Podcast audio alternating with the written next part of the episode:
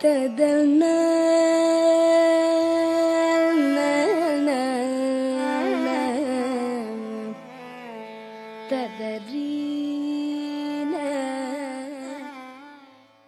Om Swastiastu. Dalam kitab suci Weda Brahma Waiwarta Purana, bagian Sristi Kanda, kisah mengenai pohon tulasi diuraikan. Pohon tulasi sejatinya adalah seorang dewi yang turun dari dunia rohani. Dewi ini bernama Brinda Gopi atau Brinda Dewi. Tuhan membuat sebuah skenario ajaib agar Dewi Brinda turun ke bumi dan membantu umat manusia, para dewa dan para leluhur agar dapat disucikan dari pencemaran duniawi. Tulasi artinya ia yang tidak bisa dibandingkan dengan apa pun. Dalam peradaban Weda, tulasi telah menjadi pohon yang paling mulia dan mendapat posisi tertinggi di antara tumbuhan lainnya. Dewi Tulasi turun ke bumi di setiap periode kalpa dengan kisah yang berbeda-beda. Karena itu dalam sejarah Purana akan banyak ditemukan versi kisah kemunculan Tulasi Dewi di zaman-zaman yang berbeda.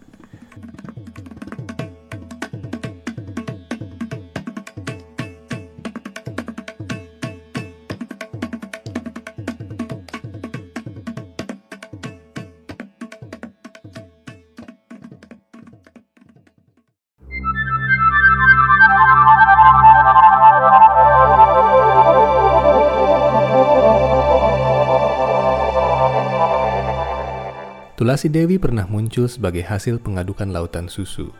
Dalam Purana lain, Tulasi muncul sebagai seorang dewi yang akhirnya membuktikan kesetiaannya kepada suaminya dengan membakar dirinya. Karena kesetiaannya, Sri Wisnu memberinya anugerah menjadi pohon yang patut dipuja oleh seluruh alam semesta. Tulasi hendaknya tidak pernah boleh dipersembahkan kepada siapa pun, baik para dewa, manusia, leluhur, atau makhluk lain selain kepada Tuhan Sri Krishna atau ekspansi beliau seperti Vishnu, Narayana, atau semua awataranya. Dalam kitab suci Weda dinyatakan bahwa bahkan Dewa Brahma dan Dewa Siwa pun memuja pohon tulasi demi kepuasan Tuhan. Orang hendaknya jangan memotong atau memetik tulasi dengan benda-benda tajam seperti gunting atau pisau. Tulasi tidak boleh dipetik pada hari Ekadasi dan Duadasi, pada hari Minggu, hari Tilem, atau hari Purnama. Pada hari Ekadasi, semua dewa, leluhur, dan para pelayan Tuhan di dunia rohani berpuasa. Manusia yang menginginkan pembebasan dari dosa hendaknya juga berpuasa pada hari Ekadasi. Hari Dwadasi adalah hari kemunculan pohon tulasi di dunia ini. Daun tulasi yang masih sukla atau belum dipersembahkan tidak boleh langsung dimakan. Tulasi yang sudah dilungsur akan menjadi prasadam yang menyucikan setiap makhluk hidup. Orang yang menginjak atau merabas pohon tulasi akan mendekam di neraka. Jika seseorang tidak sengaja menginjak pohon tulasi, hendaknya ia bersujud memohon maaf dengan menyentuhkan dahinya ke tanah. Karena tulasi adalah penyembah Tuhan yang sangat dicintai oleh Tuhan.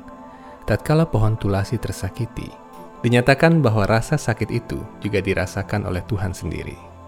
Banyak orang juga menggunakan kayu tulasi sebagai kalung, tasbih, atau perhiasan lain Menurut aturan kitab suci Weda, menggunakan kayu-kayu tulasi sebagai perhiasan tidak boleh sembarangan.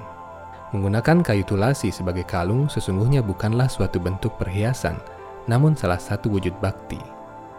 Kalung tulasi dipakai bukan untuk menolak bala atau menolak black magic. Kalung tulasi dipakai seseorang untuk mengingatkannya pada kewajiban baktinya kepada Tuhan. Orang yang menggunakan perhiasan tulasi haruslah menghindari perbuatan berdosa Antara lain, tidak boleh membunuh makhluk hidup lain, baik manusia maupun hewan. Tidak berhubungan suami istri di luar nikah atau berzina, tidak berjudi, dan tidak mabuk-mabukan. Disarankan sebaiknya seseorang juga mengucapkan nama suci Tuhan sambil menyentuh kayu tulasi. Jika seseorang yang menggunakan perhiasan kayu tulasi melanggar syarat-syarat yang telah ditentukan, orang tersebut telah melakukan kesalahan kepada tulasi yang disebut aparad. Dalam kehidupan selanjutnya, orang tersebut bukannya akan maju rohani, namun akan mengalami kemerosotan sesuai tingkat kesalahan yang pernah dilakukannya terhadap Tulasi. Karena Tulasi Dewi muncul pada setiap kalpa, kisah kemunculannya pun berbeda-beda. Ada dua kisah mengenai kemunculan Tulasi Dewi. Kisah pertama dirangkum dari bagian Sristikanda dari Weda per dari Weda Brahma Waiwarta Purana, dan kisah kedua dirangkum dari Siwa Purana. Kisah dari Weda Brahma Waiwarta Purana dikenal sebagai Tulasi Goloka Lila, sedangkan kisah dalam Weda Siwa Purana dikenal sebagai Vaikunta Lila. Dikisahkan di dunia rohani, ada seorang gopa atau gembala sapi bernama Sudama.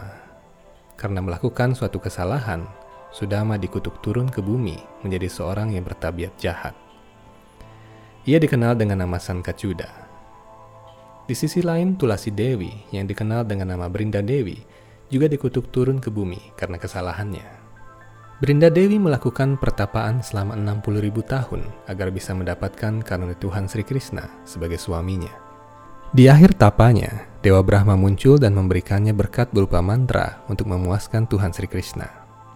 Tatkala Brinda Dewi mengucapkan mantra itu, Tuhan Sri Krishna muncul dan berjanji bahwa ia akan menjadi suaminya di akhir kehidupannya di bumi. Dalam perjalanan hidupnya, Brinda Dewi dinikahkan dengan Sankacuda yang adalah seorang ateis dan raksasa. Sankacuda sangat membenci pemujaan kepada Tuhan. Sankacuda sangat membenci pemujaan kepada Tuhan. Karena memiliki kekuatan yang besar, Sankacuda menyerang sistem planet surga milik Dewa Indra dan memaksa para dewa keluar dari sistem planet mereka. Rahasia kekuatan Sangkacuda adalah karena kalungan bunga yang setiap hari dibuat oleh istrinya. Kalungan bunga itu terlebih dahulu dipersembahkan kepada arca Tuhan Sri Krishna, dan lungsurannya atau prasadamnya dikalungkan di leher suaminya. Tatkala suaminya pergi berperang, Brinda Dewi melakukan puasa dan tiada hentinya berdoa kepada Tuhan demi kejayaan suaminya. Karena kekuatan dari pertapaan dan kesetiaan Berinda Dewi yang suci, tiada senjata apa pun yang bisa melukai suaminya. Demikianlah kekuatan seorang istri. Apabila seorang istri kuat dalam bakti dan kegiatan rohani kepada Tuhan, maka suaminya akan jaya. Akan tetapi Sang Kacuda sangat membenci Tuhan. Ketika melihat istrinya selalu mengucapkan mantra-mantra Weda untuk memuji keagungan Tuhan, Sang Kacuda sangat marah. Karena saking marahnya, Sang Kacuda memotong lidah istrinya dan menusuk matanya agar sang istri tak bisa lagi mengucapkan mantra dan memandang wujud arca Tuhan. Dalam penderitaan itu, kesetiaan Brinda Dewi tidak goyah sedikit pun terhadap suaminya, karena tugas seorang istri adalah menjadi setia kepada suami. Walaupun lidahnya telah dipotong dan matanya buta, Brinda Dewi terus berdoa dari dalam hatinya demi kejayaan suaminya. Melihat kesetiaan seorang istri ini, Tuhan Sri Krishna menjadi tergerak. Dalam wujud arca, beliau mengembalikan lagi lidah dan mata Brinda Dewi sehingga dapat kembali berbicara dan melihat. Karena kekuatan kalungan bunga Sankacuda, para dewa menjadi sangat panik. Dipimpin oleh Dewa Siwa dan Brahma, mereka semua pergi menghadap Tuhan Sri Krishna di dunia rohani dan memohon pertolongan. Tuhan akhirnya berkenan turun dan mengambil wujud sebagai sangkacuda yang palsu. Melihat sangkacuda ini, melihat sangkacuda palsu ini, Brinda Dewi menghentikan doa-doanya di hadapan Arca dan berlari menyambut sosok yang dikira suaminya itu. Hal ini memberikan kita pelajaran bahwa seorang istri yang setia hendaknya tidak menerima tamu laki-laki jika suaminya tidak berada di rumah. Karena doa-doa suci Brinda terhenti, Sangkacuda asli yang tengah berperang mengalami masalah. Kekuatan kalung bunga sang kacuda pun lenyap, sehingga Dewa Siwa dengan mudah memenggal kepalanya. Ketika mengetahui bahwa yang diajaknya bukanlah suaminya melainkan Tuhan Sri Krishna sendiri, Brinda Dewi merasa sangat kecewa dan sedih. Karena pertapaan dan kesetiaannya sebagai seorang istri, Tuhan berkenan menerima semua luapan kesedihan dan kemarahannya. Tuhan Sri Krishna rela menjelma menjadi batu. Batu ini disebut salagram sila Salagram adalah salah satu bentuk arca Tuhan yang terbentuk secara alami. Salagram ini memiliki gambar alami seperti cakra, gada, bunga padma, dan trompet kerang atau sangka. Di sisi lain, badan Brinda Dewi menjelma menjadi sebuah sungai bernama Gandaki atau Gomati. Di sungai itu kemudian tumbuh pohon tulasi yang suci. Siapa pun yang cukup beruntung bisa mendapatkan batu salagram di tepi sungai itu, di bawah pohon tulasi, maka dia akan menjadi orang yang paling beruntung di dunia. Berinda Dewi sendiri kemudian pergi ke dunia rohani dan kembali kepada Tuhan Sri Krishna. Demikianlah kisah ringkas kesetiaan Brinda Dewi yang bahkan dapat membuat Tuhan sendiri luluh dan berkenan. Dalam kitab suci Weda dinyatakan, hendaknya seorang istri setia kepada suaminya dan pada saat yang sama menjadi penyembah Tuhan yang tekun. Atas doa dan kesucian istri, sang suami bisa mendapatkan segala kejayaan dan kemasyuran.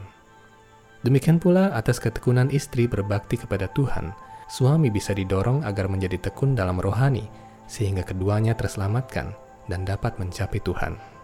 Jika kehidupan suami istri tetap terjaga dalam bakti kepada Tuhan, hubungan itu bisa menjadi kekal hingga sampai di dunia rohani. Demikian kisah Golokalila dari Tulasi Dewi. Sampai jumpa dalam kisah-kisah rohani lain hanya di Hindu Times Channel. Om Santi Santi Santi Om.